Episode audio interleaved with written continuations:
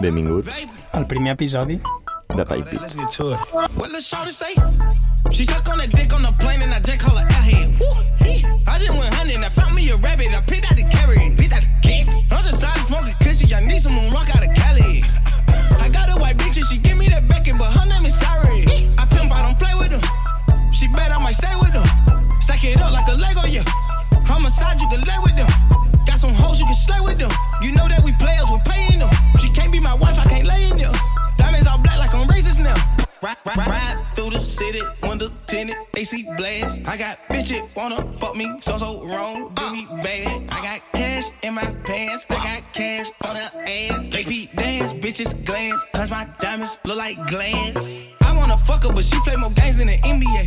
Monday morning, got a dentist appointment, little bitch, you can check out the dentist plate. Check it out. I got so much jewelry, baby, I got so much water, this shit like a mini lake. Fuck nigga play, I'ma send him the meeting, make a dick act off for forgetting it, babe. Chopper, chopper, end up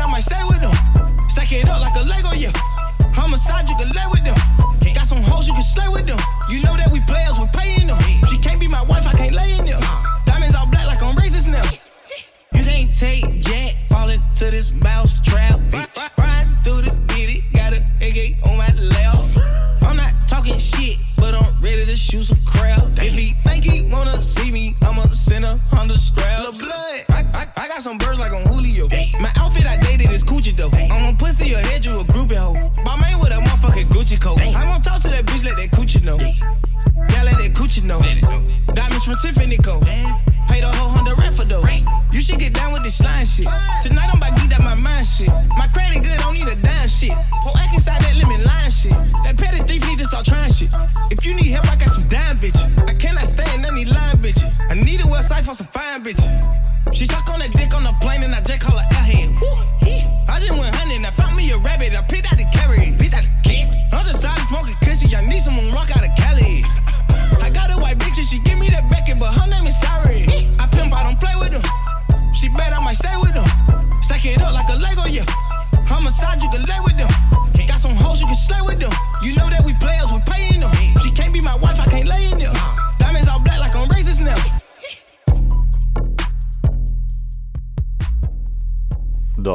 Doncs molt bé, benvinguts i benvingudes a Type Beat, el nou programa de Hard Radio.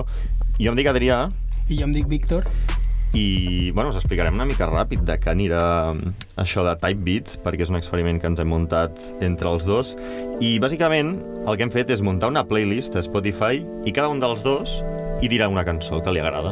Això sí, hi ha un requisit indispensable que és que les cançons que direm han d'estar connectades entre si. De la manera que sí, per lo que sí, per la música, per la lletra, per la portada, el que sigui. L'únic requisit és que siguin cançons que també ens agradin. Exacte. Llavors el que aconseguim és que així per torns d'una cançó cadascú crear com un, un fil argumental que ens permeti fer el programa i parlar dels temes que ens agradin i que ens interessin a través de la música que ens agrada. Llavors, bueno, per aquest primer programa, com veieu, hem començat amb Young Thug, amb la cançó With Them. Aquesta l'he triat jo, jo he començat amb la playlist, i jo crec que simplement els dos estem d'acord en que és perquè ens agrada Young Thug i vam dir quina millor forma de començar Sí. que amb això, no? Posar una mica aquí un, un Sí, statement. sí, sí. A la casa de Type Beat, eh, Young Thug és una institució i, i bueno, com que l'ha triat el Víctor, la primera, jo n'he hagut de triar una altra i... A veure, les meves, les meves connexions són una mica friquis. A mi em perdonareu, potser pensareu que, que estic una mica boig, però, però no, trobo que també és una mica la gràcia, no? Fer, fer passos i, i, i càbales i al final tirar per on ens doni la gana. I vam comentar al principi, quan el Víctor va triar aquesta cançó, que el Young Thug la va presentar... Bueno, tu això ho saps millor que. On la va presentar, el Young Thug? Pues sí, la, la primera vegada que aquesta cançó va ser, es va fer pública eh, al públic general va ser en la presentació d'una GC Season del Kanye, Mm. que de fet era la listening party de The Life of Pablo. I en un moment el, el Kanye diu el Young Thug vol posar alguna en l'aux i li passa el mòbil i directament allà des del seu mòbil posa aquesta cançó en Premiere. Sí, com si- sí, és un dat, una dada que, Sí, que home. trobo bastant graciosa. un moment bastant eh, històric, eh, la presentació de The Life of Pablo, que, si no recordo malament, era al Madison Square Garden, allà Sí, a Nova York. sí. I la connexió l'he tirat a partir de la primera cançó de The Life of Pablo, de l'àlbum del Kanye del 2016, que tu saps quina és, Sí, que és... Ultra Limping. Vale. Perquè a mi sempre m'ha fet gràcia que si us hi fixeu al llarg del catàleg del Kanye fa servir moltes cançons amb la paraula light en el títol de la cançó. Perquè té Ultra Light Beam en el, en el disc de The Life of Pablo, també en té un altre però no és, no és el mateix disc, Low Lights. O sigui que és... Sí, Sí, també és de Life of lowlights Pablo. i highlights. I Highlights, però és que després també té Flashing Lights, té Street Lights, que és això que està sonant de fons, i té All of the Lights, a Twisted Fantasy, que és un interludi més la cançó. O sigui, té com 5 o 6 o 7 cançons amb lights. O sigui, aquí hi ha una temàtica bastant recurrent i la connexió l'he seguit tirant a partir de All of the Lights perquè si mireu el videoclip, que és bastant icònic, de, dels més icònics del Kanye, si és que no són tots, però perquè les lletres, tu això també ho saps, Víctor, um, la, té una tipografia com molt, molt especial d'unes lletres com, no sé, no sé com dir-ho, com molt bold, molt... Sí, molt neon. Amb, sí, amb molt color, però després això es va saber, o hi havia gent que suposo que ja ho va veure de primeres, que aquestes lletres era com sospitosament semblants a les que havia fet servir el Gaspar Noé, el director de cine, a la pel·li Enter the Void. I per aquí he seguit tirant la connexió, perquè Enter the Void no és de les que m'agrada més, de Gaspar Noé, jo crec que Irreversible i Clímax eh, són les bones seves, i d'aquestes dues he triat, eh, òbviament, la que té la millor soundtrack, que és Clímax, i de soundtrack de Clímax he triat la que és la propera cançó d'Apex Twin, Window Licker.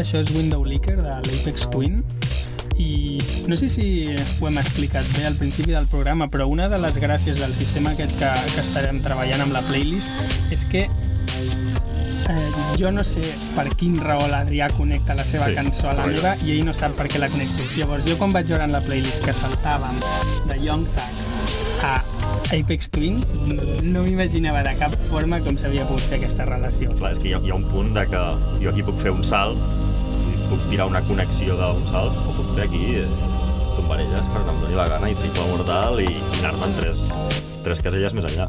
Completament. Aquí també es veurà una mica l'estil de cadascú, no? Potser a vegades jo faré els salts més directes o ells Sí, fan bueno. recargolats, però jo crec que això és la gràcia la personalitat de, de Sí. la cosa. Vale, molt bé. Doncs quan vaig veure que va posar Apex Twin, a part de la confusió aquesta, també em va venir de gust que estigués al programa per parlar una mica de, no sé, de lo important que és Apex Twin i també una mica en relació a la discogràfica en la que està, que és Warp Records. Sí. No? Warp Records en el seu moment va estar com molt en la cresta de la ola Sí. eh, signant artistes del calibre d'Apex Twin, eh, Square Pusher, Autechre, tot que, que van ser com pioners de l'IDM i de diferents àmbits de l'electrònica Sí, bueno, al- a principis dels 90, parlem. Exacte, exacte. A principis dels 90, i, però la cosa és que des de llavors han passat molts anys, però jo la segueixo considerant com, jo crec que la, la meva label preferida, i a dia d'avui segueixen eh, signant artistes que segueixo pensant que estan com també molt capdavanters en el que fan i que ja no tenen per què estar tan lligats en l'electrònica com ho estaven al principi. Gent, per exemple, com Danny Brown o Ted Grips està també, oi? Sí, Death Grips, bueno, no, no sé si ha tret tots els últims àlbums, Ja. però alguns sí que n'ha tret, sí, sí. I també gent com a Lives to More, Mhm. que l'any passat va treure un àlbum que va ser dels meus preferits de l'any, i de fet, just abans de que comencés la pandèmia, eh, anava a fer un tour eh, en parella, ell amb el Echo 2K, Ah. de la Drain Gang. I llavors, com que, bueno, jo suposo que ho anireu veient a lo llarg de, dels programes que fem, sóc bastant fan de la Drain Gang, dic quina millor, quin millor motiu per posar una aquí ja per començar, així que he triat Time, del disc que va treure l'Echo 2K Eh, va ser l'any passat o el 2019? O ja? Jo crec que va ser a finals del 2019, eh? Vale, és que Sí. el temps Però, bueno. per mi s'ha trastogat molt amb tot això. Sí, no, no, és ja que- no sé què ha passat, si fa un any o dos. jo ja no tinc idea de res, tio. pues bueno, he triat Time del disc E del I del Echo 2K, així que Pues vinga, endavant. fotem-li.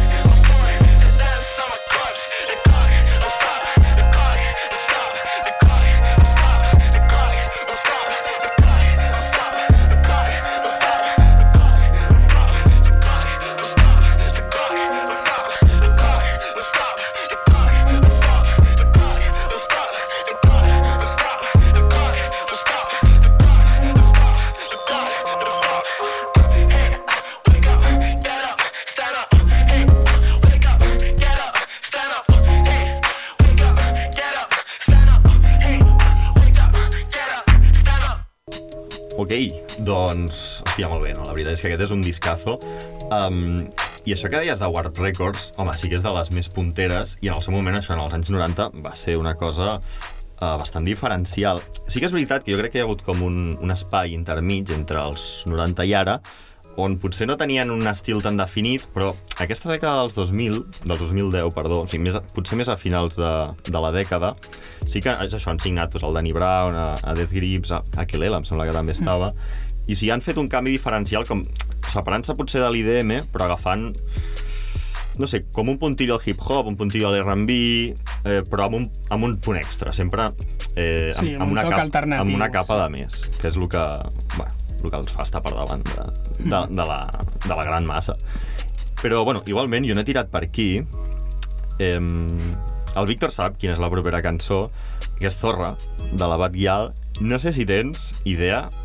A veure, és difícil, sincerament, però no sé si pots tenir una mica d'idea de com he tirat. Confirmo que no tinc cap tipus d'idea de com fas fer la connexió Eco2K i Batial. Vale, és una... Puc imaginar-me potser coses, però molt pillades per fils, o sigui, suposo que tu tindràs una raó més de pes per Sí. fer-ho. O sigui, a veure, raó, eh, en realitat, cap ni una, eh? O sigui, ha sigut aquí anar tirant cables i...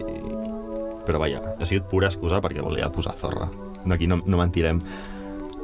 T'explicaré. I també passa pel cany, eh, aquesta connexió. Eco, eh, quan va treure aquest disc, on, està la cançó Time, que es diu E, el disc, que tu el tens, a més en CD, Sí. oi que emula com si fos el minidisc? Saps aquell Sí, format cert. una miqueta... Sí, no sé, si podeu buscar com és l'edició en CD d'aquest Mm, disc de l'Eco2K, és de les coses que tinc, que estic més orgullós de tenir, la veritat. O sigui, Possessions més preuades. Normalment m'agrada... Bueno, ara fem una mica de parèntesis. Tota la discogràfica de Year One, on estan mm -hmm. pues, en Young Lin eh, i tota la Drain Gang, les publicacions que fan físiques dels CDs es caguen completament en la competència. O sigui, normalment els artistes es treballen més la, la publicació en vinil.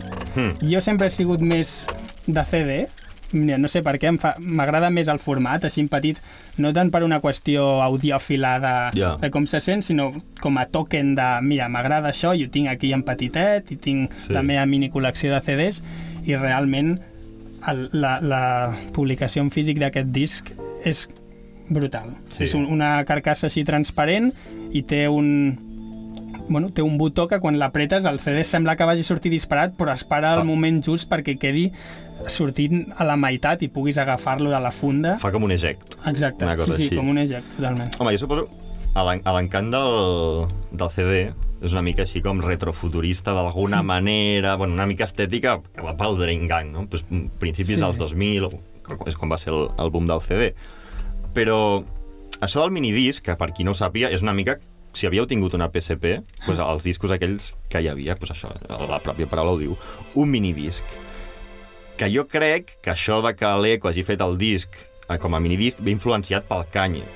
A, par ser, a sí. partir de Llisos, que no era minidisc, però la portada, si la veieu, sembla un minidisc, i a Yandy, que és l'àlbum que al final no va treure i va treure Jesus King, allò sí que era un minidisc. I llavors, home, sabent que pràcticament tothom, i Drain Gang no seran menys, doncs han mamat del Kanye, doncs més o menys hauran tret alguna idea de per aquí. Però llavors jo em vaig preguntar, qui va ser el, el primer en treure un minidisc com a àlbum? I tot i que no he trobat la resposta exacta, el minidisc va sortir a l'any 92, el va treure Sony, però tot i... Bueno, menteixo, va treure el reproductor de minidisc l'any 92. Ja feia com gairebé 10 anys que existia el minidisc del, des del 80 i pico. Llavors, com que no he trobat la resposta de qui va treure el minidisc, he anat a Discogs, que és el mercat online um, més gran de música, de segona mà, i de, o sigui, tant de particulars com de, com de tendes eh, bueno, professionals. Sí. I he anat a mirar quin és el, el que estava en venda dels milions de, de discos que tenen al més antic. I és un àlbum d'uns tals... Uh, com es diuen? Wilson Phillips, que el nom probablement no us dirà res, a no ser que sigueu superexperts en el tema, però és un grup format per tres noies. Una és la China Phillips, filla de John Phillips i Michael Phillips, que són de The Mamas and the Papas, i després dues germanes que són Wendy i Carney Wilson, filles dels de, Beach Boys, o sigui, del, perdó, dels Beach Boys, del, del Brian Wilson, bueno, que, Uau. que de fet és el cap dels Beach Boys. O sigui, aquest, el, el primer disc d'aquest grup que formen aquestes tres noies, que és Wilson Phillips, va ser els primers que jo tingui constància que van treure un àlbum de, en format minidisc. I això em porta a un altre tema, que és els artistes amb pares rics o famosos. I trobo que és un tema bastant interessant perquè si et fiques a mirar la Wikipedia, quan veus que la Wikipedia un artista té els seus pares, l'entrada dels seus pares estan en color blau, a mi em fa sospitar una mica. No et passa, tu? Puc entendre-ho, però no li, la, intento no donar-li importància. O sigui, crec que hauria de desenvolupar una mica l'opinió potser, però no m'hi- no m'acostuma a importar. O sigui, primer escolto, Mhm. després jutjo i després m'informo més a fons de les coses que no són música que, que tenen a veure amb l'artista. Mm. No? N'hi ha certes coses que poden fer que deixi d'escoltar un artista, però són coses més sèries, no? Sí. No, no, no aquest nivell de... Sí, bueno, tot això ve d'un fil de Twitter que hi havia gent que deia no, és que si un artista té pares rics, doncs ja la, la seva eh, visió ja té menys valor. A veure, jo no crec que arribi a aquests nivells, però bueno, sí que és veritat que, com a mínim, jo crec que és una cosa que s'ha de tenir en compte. Però també és veritat que la que et poses a mirar una mica i ja comences a veure que hi ha bastants artistes eh, en aquestes condicions, amb pares rics o famosos, és com que ja et fa una mica sospitar de, de la naturalesa de la indústria musical. És que n'hi ha moltíssims, i us en dic alguns així ràpid.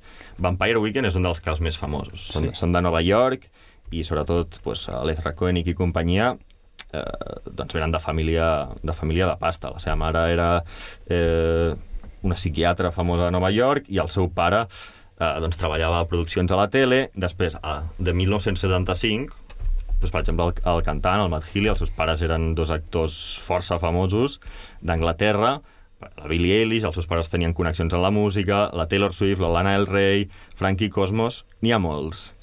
Però, per arrodonir aquesta connexió, i aprofitant que Echo i la Dream Gang venen al Primavera, he dit, agafaré uns altres artistes del cartell del Primavera, però que també siguin amb pares famosos o rics. I he dit, a veure quins n'hi ha. I així, mirant per sobre, he trobat a King Princess, que és filla d'un eh, bastant important enginyer d'estudi de gravació, o sigui, ja tenia connexions en el món de la música, la Cleiro, que el seu pare, que es diu eh, Geoff Cotrill, era un executiu bastant important de Coca-Cola, de Starbucks i de Converse, i n'hi ha un que potser no és que el seu pare sigui ric, però sí que és bastant important, que és el Sweatshirt, perquè el seu pare, que era Bueno, un, un poeta. Sí, era poeta sud-africà, però que havia estat bastant involucrat en la política Sí. de Sud-àfrica i havia tingut càrrecs importants. O sigui, és una persona bastant sèria. O sigui, no, no ve del pacte de, la, de la gana, per dir-ho d'alguna manera. Ta- Tampoc diria que estigués ficat en la Mm. Però de fet els dos pares de l'Air Sweatshirt són com, tenen bon bagatge intel·lectual, Sí. perquè la seva mare és professora d'universitat i el seu pare Sí. és, és un poeta sud-africà relativament famós no? en el Sí. seu àmbit. Sí, per això que costa una mica potser diferenciar la, on està la frontera de, de la influència que puguin tenir els pares, perquè potser aquest cas no és el mateix, Mhm. però bueno, eh, jo crec que val la pena tenir-ho en, en l'equació, és una variable més. Els Strokes també, no? Sí, sí, sí els Strokes també... M'està estranyant que te'ls deixessis. Ja, ja, ja, és que és, és el, que, el que un es podria pensar. Era la meva aposta inicial, però els Strokes, perquè és l'aposta, evidentment, de pasta de Nova York, tots ells, menys, em sembla, el, el baixista. Però, he dit, ja que anem a posar pares eh, importants, doncs anem a quedar-nos amb una de casa, la Batguial, Alba Farelo, el seu pare, Eduard Farelo, actor que li haureu vist la cara més d'una vegada sèries de TV3, i, no sé, res més a dir, anem a posar zorra, no? Dale.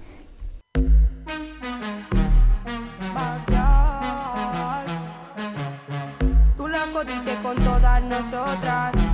Que no nos lo diríamos unas a otras. No llamas a todas a diferentes horas. Pensaba que saldría bien, jodiste con todas. Tu madre me llama y me dice que estoy loca. Tu hija es una zorra y eso es lo que le toca. No puede pasar por nuestro corner. Porque tú sabes que te vas sin Jordan. Has chingado a cada una de nosotras. Y ahora queremos matarte todas. El otro día tú me llamabas. Decías que extrañaba cómo te tocaba. Tú querías que me pasara por tu casa. Y yo ya no puedo dormir en tu almohada. Tú eres mierda, no vale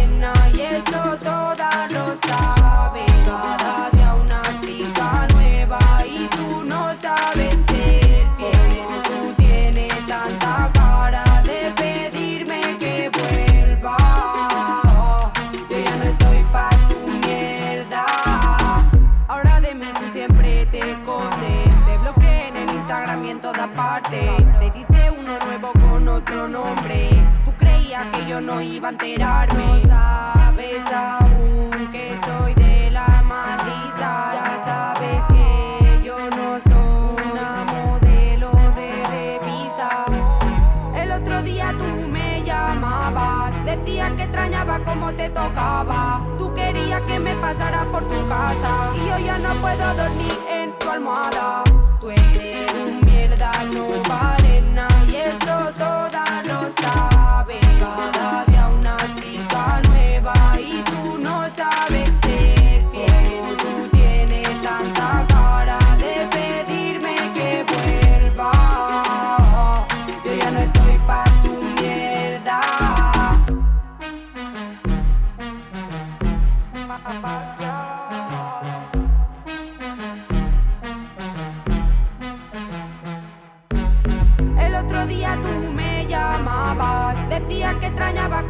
tocaba. Tú querías que me pasara por tu casa y yo ya no puedo dormir en tu almohada.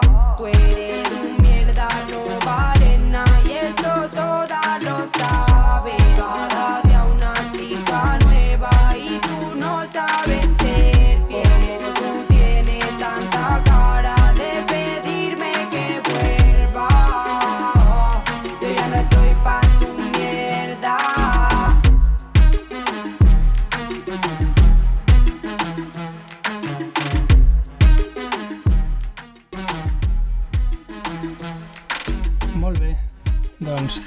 de la Bat Guial. Sobre el tema que estàvem parlant, Sí, ara fora de, Sí. fora de micro. jo, jo ara m'ho he pogut pensar una mica més, perquè, com el que diem, com no sabem la connexió que ha fet l'altre, ens filla aquí desprevinguts, no? Jo, la meva opinió és fortament de que no m'importa el backing dels artistes. O sigui, sóc molt fan de gent com, per exemple, els Strokes, Mm. que venen de família rica, i sóc molt fan de gent que ve de la màxima pobresa absoluta, per exemple, abans que parlàvem, com el Danny Brown, no? Mm. O sigui, trobo que primer hem de valorar l'art en si o la música en si, no? Llavors, ok, ja posats a valorar les persones que estan darrere d'aquest art, doncs des de luego que algú afecta, no? Tots tenim una mica de...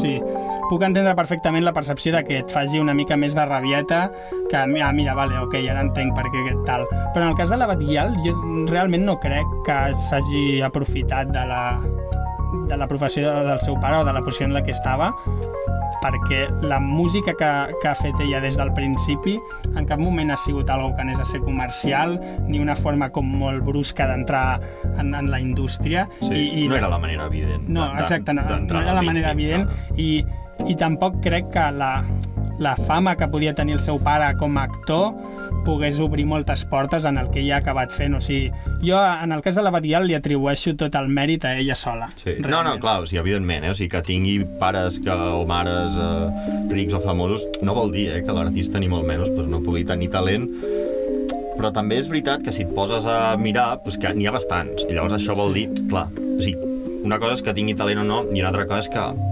probablement, si n'hi ha tants, és que alguna... Ja. És un privilegi més, al final. Home, sí, sí, el privilegi és innegable. O sigui, no és el mateix que ja des dels 16 anys t'hagis de buscar la vida i començar a treballar com puguis per ajudar la teva família que que et puguin mantenir fins als eh, 20 anys o 24 anys o quan sigui i llavors tu tinguis el temps lliure de poder dedicar-te a el que et ve de gust sense el risc de que no funcioni. Sí, bueno, i també hi ha un component que jo crec que tot i que ara és un privilegi, evidentment, jo crec que potser ara no és tan privilegi, perquè tothom pot fer música des de casa, Totalment, totalment. Encara que tinguis un... O sigui, si tens un portàtil, que ja és cert privilegi, però bueno, amb això ja pots fer música. En canvi, fa 40 anys, o sigui, la música eren guitarres, i les guitarres, i els Sí, sí. amplificadors, una bateria, tot això val comprar bastanta ja els, pasta. in- els instruments d'una banda ja era una barrera que no tothom podia superar. Correcte.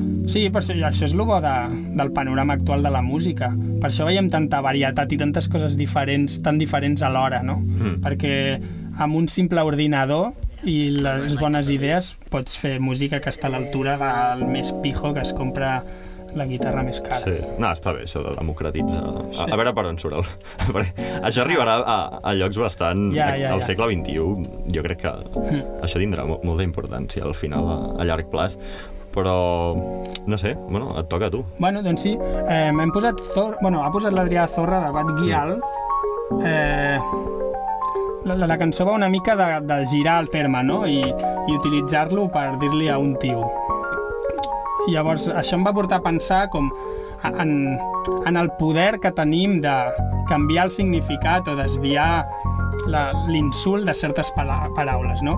Aquí la, la Bat Guial fa aquesta, aquest, aquesta acció de dir, ok, que segurament, això ja és, m'imagino jo, cansada de que li puguin dir zorra o que sempre sigui algo que s'utilitza contra les dones, doncs ho, ho redirigeixo i per què no també utilitzar-ho cap als homes. Però una cosa curiosa és que també alhora, en el, en el mateix moment, altres artistes, com per exemple, és un exemple entre molts, però per exemple la que jo he triat ara és Doja Cat, en, poden optar cap a la l'altra direcció, que és treure-li completament el significat pejoratiu i dir, pues sí, pues, Sí, pues soc una bitch. d'empoderar-se a través de- D'empoderament. Que potser és una cosa més americana, no? O més... Bueno, no sé, aquí, per exemple, també podia haver posat la Zoe, que ho ha fet Oh, des del primer sí. moment clarament, de dir, pues sí, Sí, soy la, una... la Zoe quasi que li passa la mà per la cara a qualsevol. Eh? Sí. Podia haver posat la Zoe, però bueno, volia ser una mica més de canvi i una cançó que que és, és un banger, la veritat, i l'he Sí. estat escoltant bastant últimament. Perquè van tirar... Bueno, aquí sonen tots bangers, eh? O Sí, sigui, jo crec realment. Que, que fins ara... Ja posarem alguna de la Zoe en un altre programa, Està clar. perquè, des de luego, n'hi ha, n'hi ha per posar. Vale, doncs això, he triat Boss Beach, de Doja Cat. Sí, a la- a la línia, a la La línia de connexió. Així que endavant.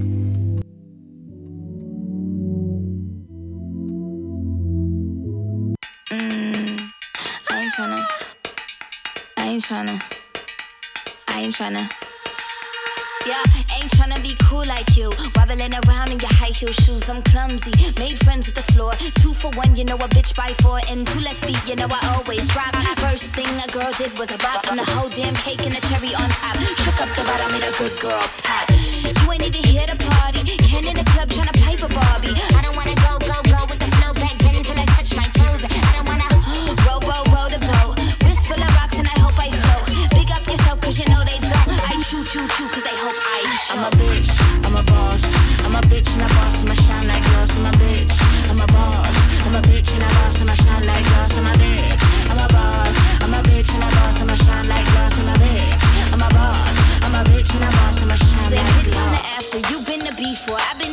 You've been a seahorse. Don't need a report. Don't need a press run. All of my bad pics been all my best one. I wear the hat and I wear the pants. I am advanced, so I get advanced and I do my dance and cancel the plans. Said boo, don't be mad cause you had a chance. Yeah,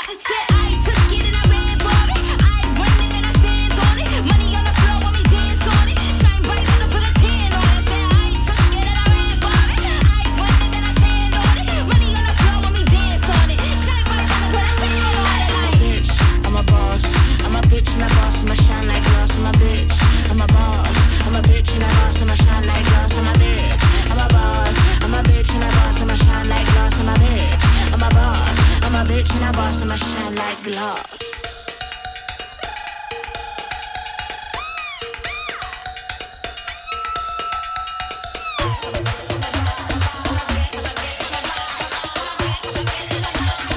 Bitch and a boss, I'ma shine like glass. I'm a bitch, I'm a boss. I'm a bitch and a boss, I'ma shine like glass. I'm a bitch, I'm a boss. I'm a bitch and a boss, I'ma shine like glass. I'm a bitch, I'm a boss. I'm a bitch and a boss, I'ma shine like glass. I'm a bitch,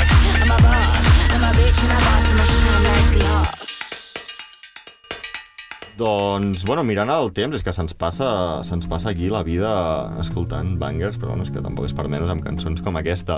Anava a posar una altra cançó, que és la que em tocaria ara a mi, però més això, ja portem més de mitja horeta, que en teoria és el que dura el programa.